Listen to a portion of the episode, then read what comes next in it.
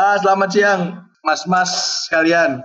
Uh, perkenalkan kami dari OS kali ini dari Anco. Ya ada teman kami, an, ada teman saya Ando dan saya sendiri Ferry.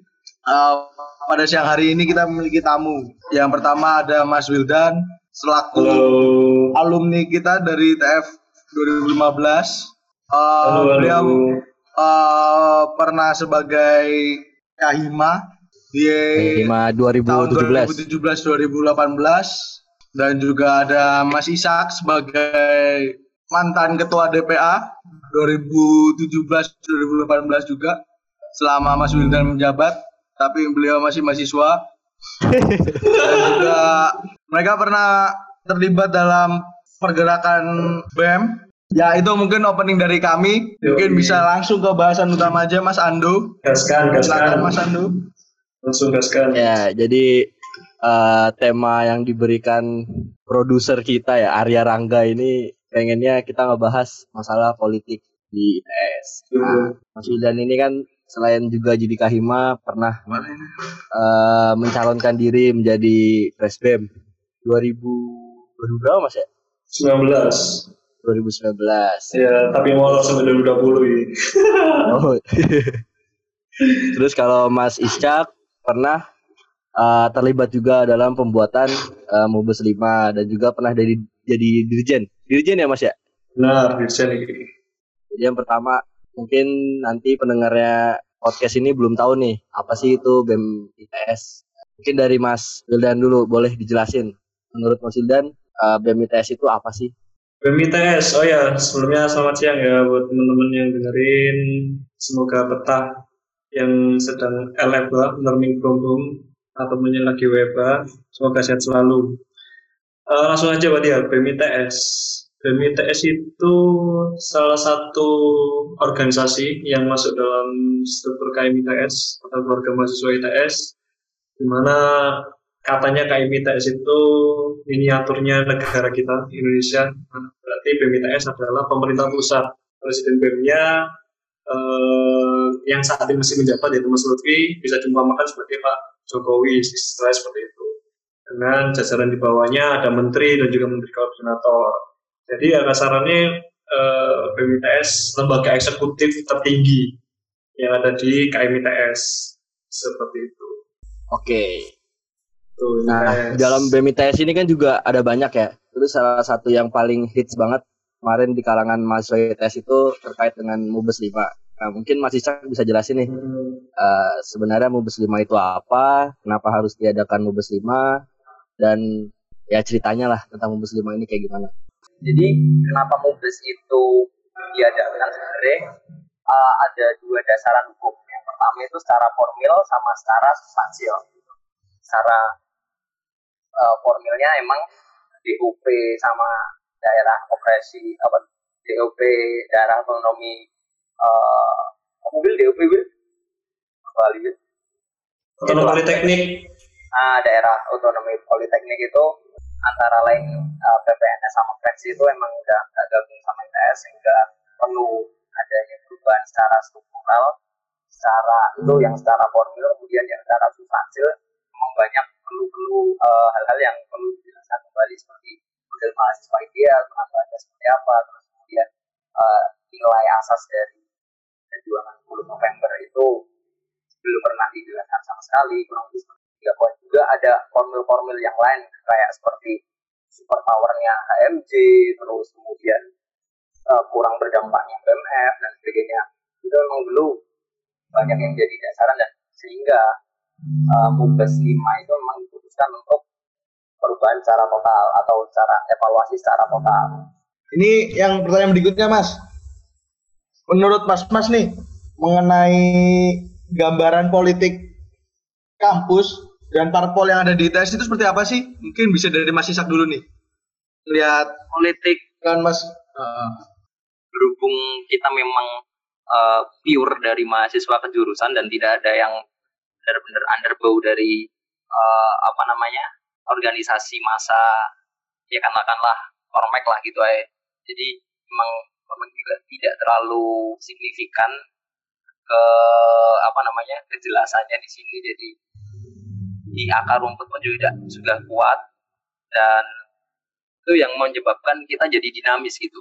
Jadi secara kultural itu memang berbeda-beda berubah-ubah setiap tahunnya. Kadang dari anak siapa dari misalnya FTK itu kadang uh, sekarang menjadi kemarin-kemarin ini sangat kuat dan kemudian di tahun ini mereka tidak mengajukan diri lagi tahun sebelumnya kan biasanya FTK itu biasa basisnya kuat sekali gitu. tapi tahun ini tidak maju kemudian kemarin juga uh, katanya kan di rolling terus untuk di FTI dan sebagainya tapi ternyata 2013 eh 2015 kemarin yang bertarung juga Mas Arsa 2017 eh 2017 yang bertarung Mas Arsa yang 2019 kemarin yang bertarung juga Mas Midan juga jadi dari TF dari kader TF dua-duanya juga uh, maju gitu. Emang itu menyatakan uh, dari bentuk dinamika politiknya sendiri sih cukup dinamis gitu dan uh, tidak bergantung pada suatu hal.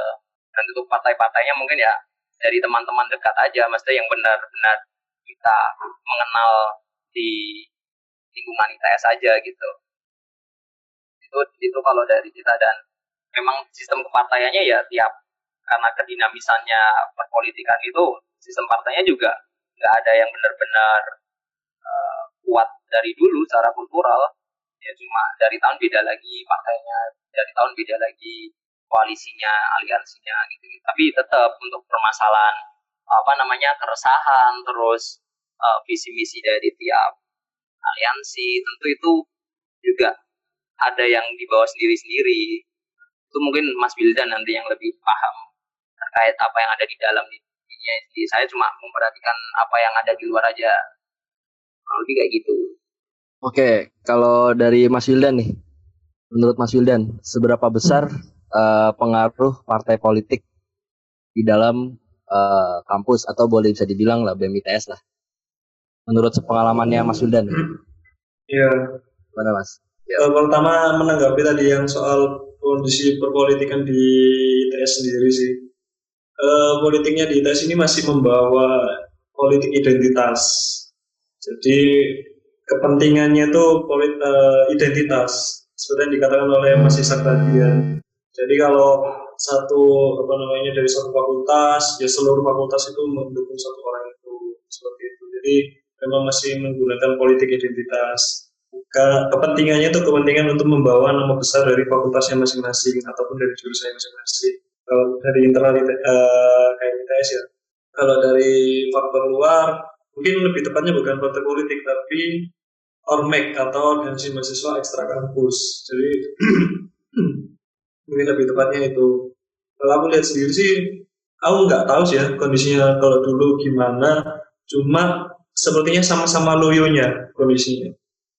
Kalau melihat kondisi organisasi atau himpunan fakultas yang ada di KMITS, kondisinya mungkin sama loyonya dengan yang ada di uh, orang-orang yang ada di luar kampus ITS ini. Tapi nggak tahu karena pergerakannya kebanyakan underground. Ya kalian sendiri udah ngalami lah ya angkatan 2018, angkatan 2019 seperti apa. Uh, 2017 juga mungkin juga mengalami pergerakan seperti apa. Tapi kelihatannya kelihatannya masih loyo terlihat dari kader-kadernya pun juga jarang yang menduduki dari uh, jabatan-jabatan tinggi di KMTS kayak gitu. Itu sih kalau bicara politiknya di uh, internal KMTS maupun faktor eksternalnya. Ya kak mas. Uh, terima kasih atas jawabannya mas. Uh, saya sedikit tertarik sih mas bahasan tentang ini mas. Uh, apa? Tentang politik yang ada di ITS ini. Kalau menurut Mas sendiri nih gambarannya, nanti ke depannya bakalan kayak apa sih politik yang ada di ITS ini? Kemungkinan kemungkinan-kemungkinan yang bakalan terjadi melihat dari keadaan yang saat ini gitu.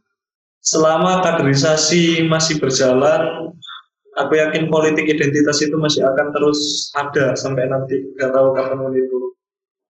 Ya, jadi uh, kayak ya salah satu yang mencalonkan dari FTI mungkin kebanyakan mendukung FTI kalau FTK mendukung FTK kayak gitu dan kalau banyak ya uh, yang yang banyak halnya seperti itu saya tak ketahui. Dan kalau ke depan ya mungkin masih sama kondisinya politik ITS masalahnya gini sih kalau ITS kan anak teknik gitu kalau bicara politik ya politik yang ngalir nggak ada nggak ada roadmap atau nggak ada suatu kepentingan yang benar-benar uh, kepentingan apa organisasi suatu organisasi atau kepentingan dirinya sendiri untuk mencapai sesuatu kayak nggak ada gitu loh. Biasanya politik identitas ketika salah satu calon dari suatu fakultas maupun jurusan ini maju, berarti fakultas dan jurusan itu juga ikut bangga gitu. Akhirnya ikut mendukung.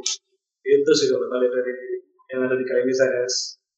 Berarti sebenarnya hmm. uh, apa politik di TS itu justru malah politiknya itu untuk memajukan nama besar jurusan atau fakultasnya masing-masing ya, bukan membesarkan ideologinya misal uh, dia dari politiknya lebih arah mana gitu ya mas ya?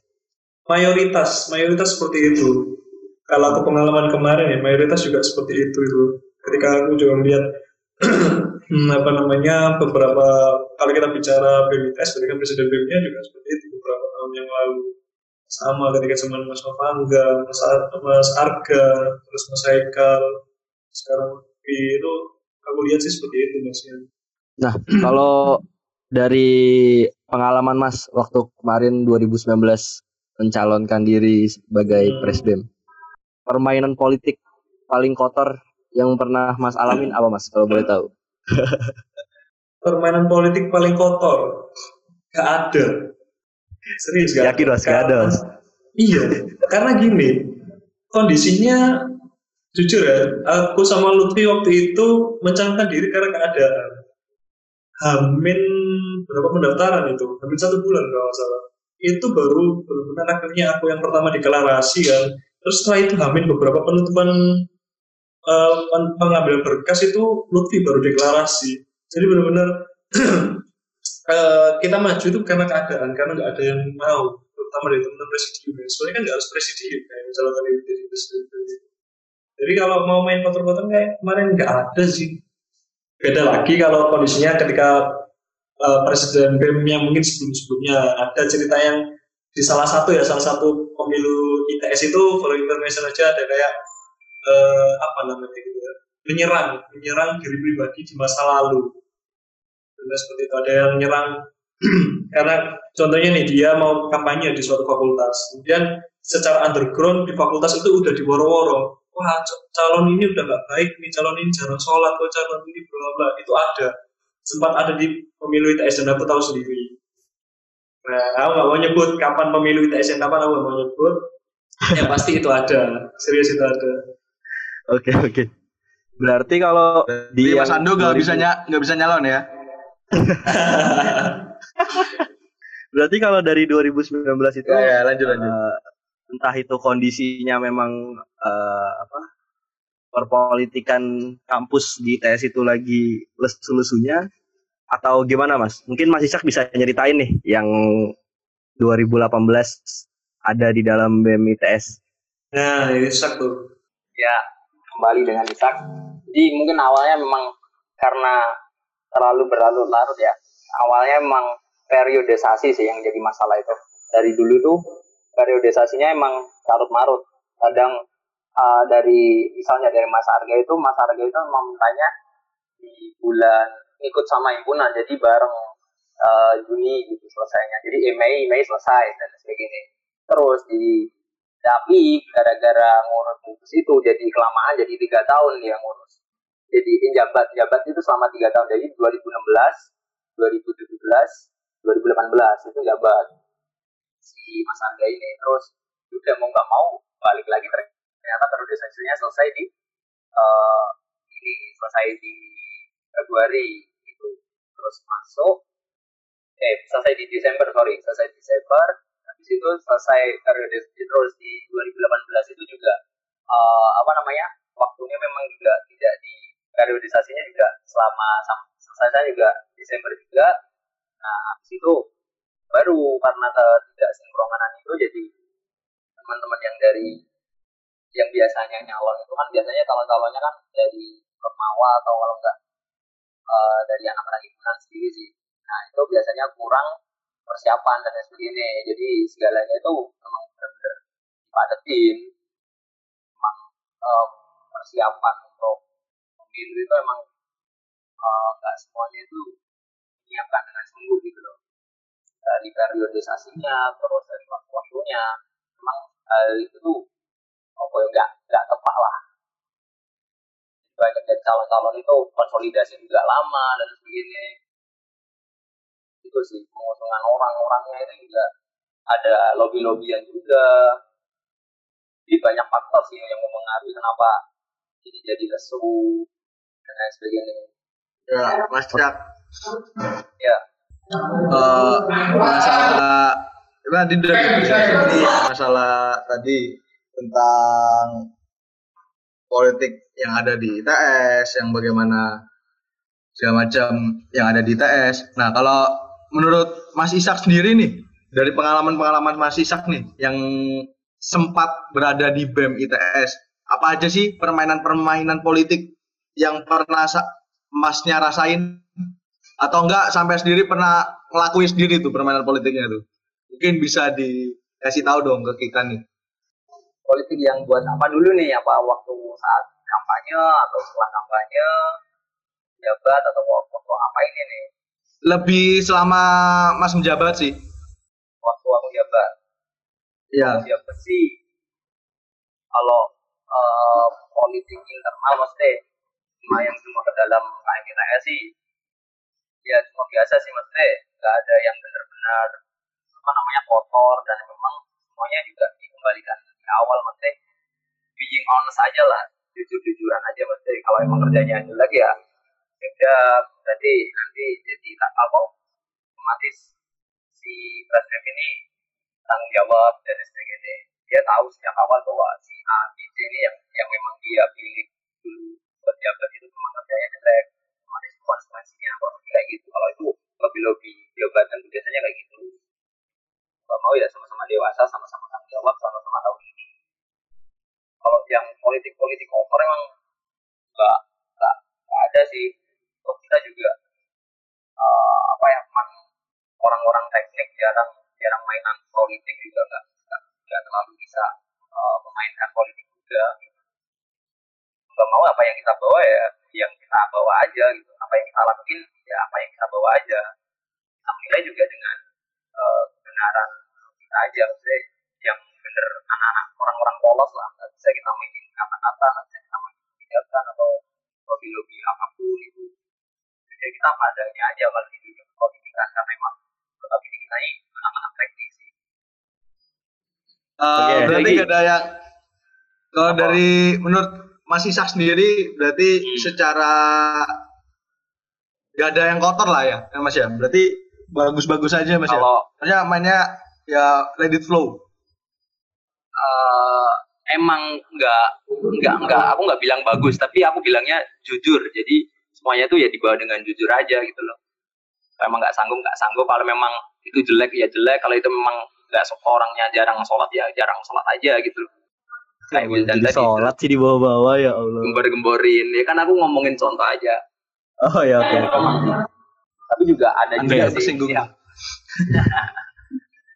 yang memang apa uh, bentuk apa ya oknum-oknum yang memang sebagai buzzer buzzer gitu nggak tahu sih mas nah. motifnya motifnya itu gara-gara apa dan sebagainya itu memang uh, nggak jelas aja Nah, mungkin bisa diceritain Mas uh, dari Mas Wildan atau Mas Icak mungkin yang yang paham nih uh, keberadaan buzzer uh, di ITS itu tadi kan Mas Icak bilang uh, belum tahu motifnya itu kayak gimana.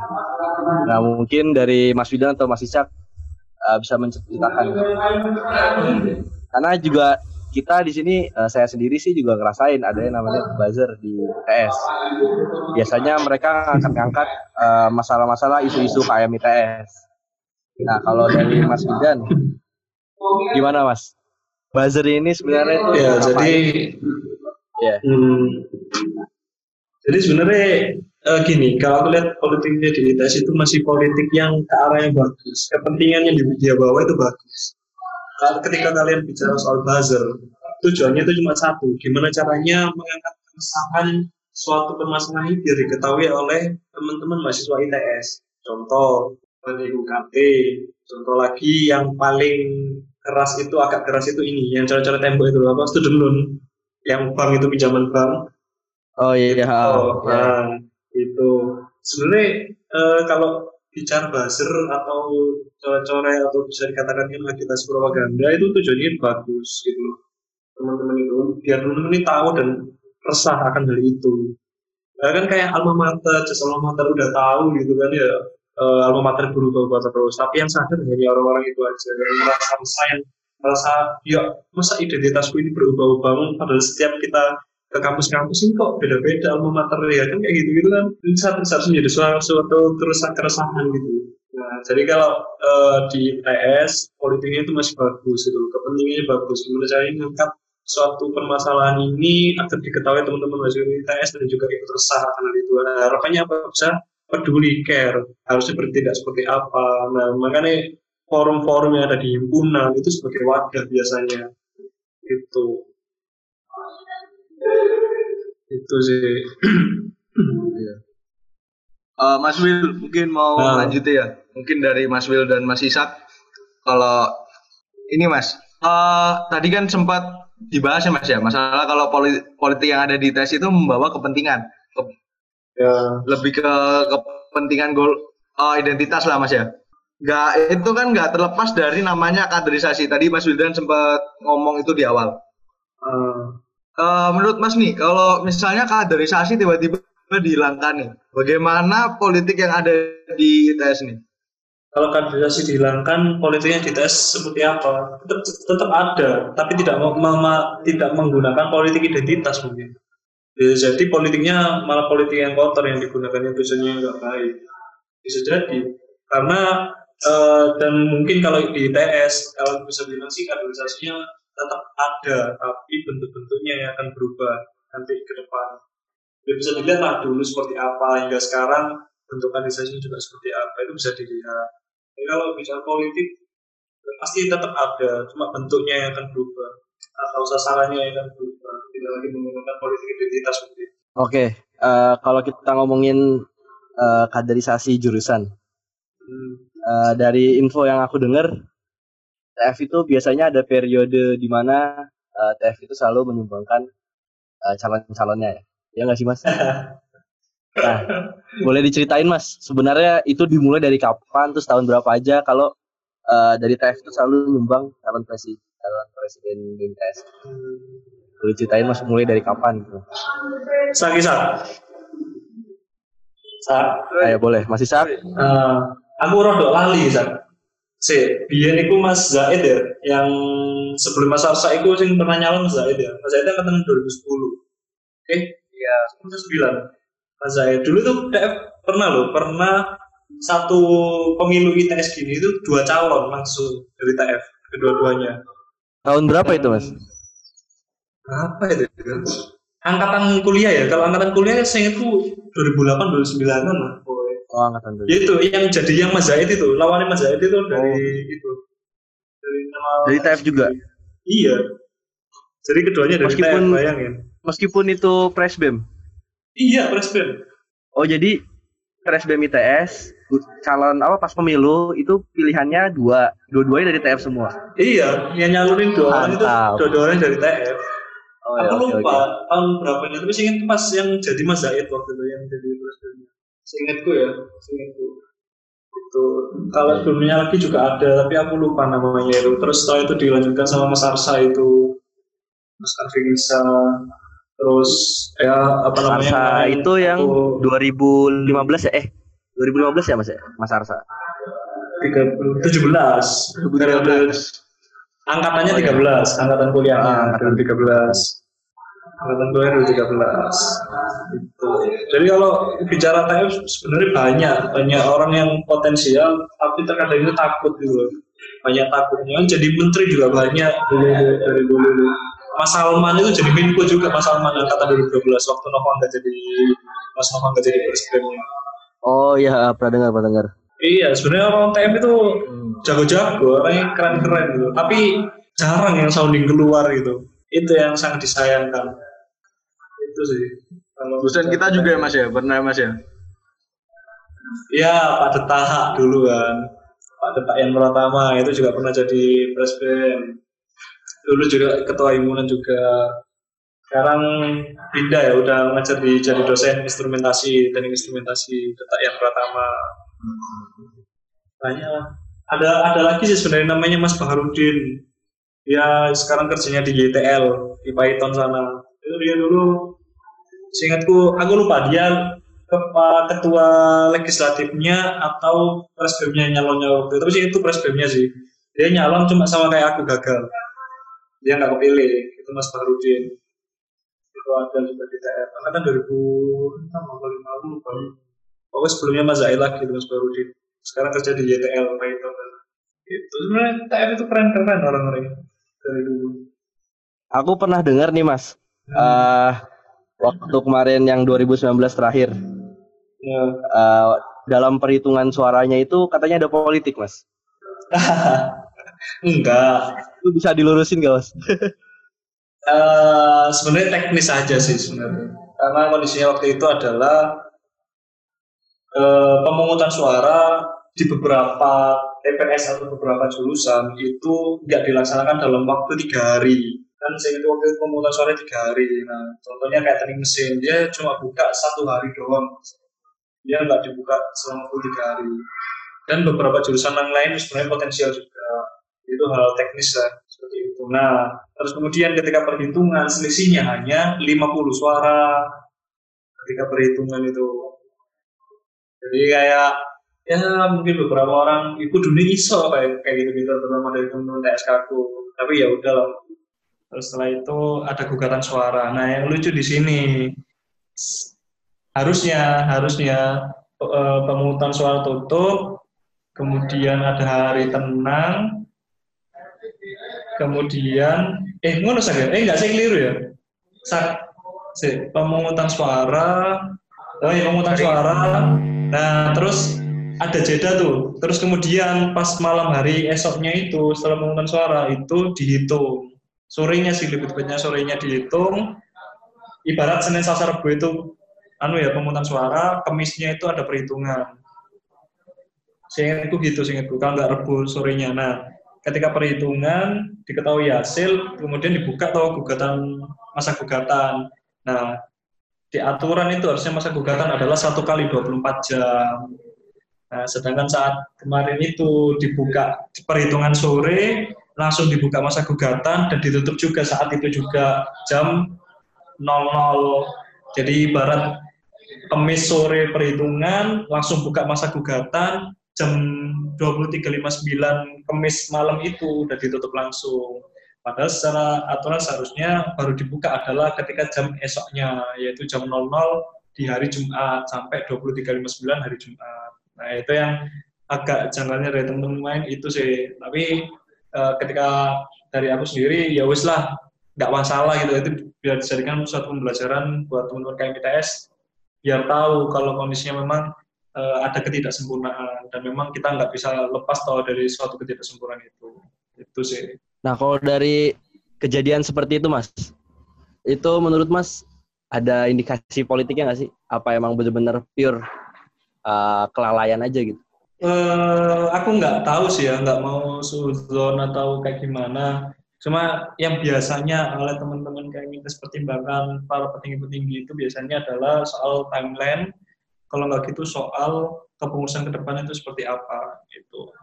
Jadi jarang sih memang uh, karena memang oh ingin mendukung salah satu calon atau sebagainya jarang. Tapi memang desakannya adalah timeline. Aku ingat banget kok waktu itu soalnya kan uh, Lutfi itu baru setijab tanggal 28 Februari ya, ya. Pokoknya akhir Februari. Itu udah telat banget sebenarnya. Itu. Jadi uh, jadi menurutku bukan karena soal tadi kursi politik untuk mendukung salah satu calon enggak. Tapi memang desakannya mungkin timeline ya biasanya.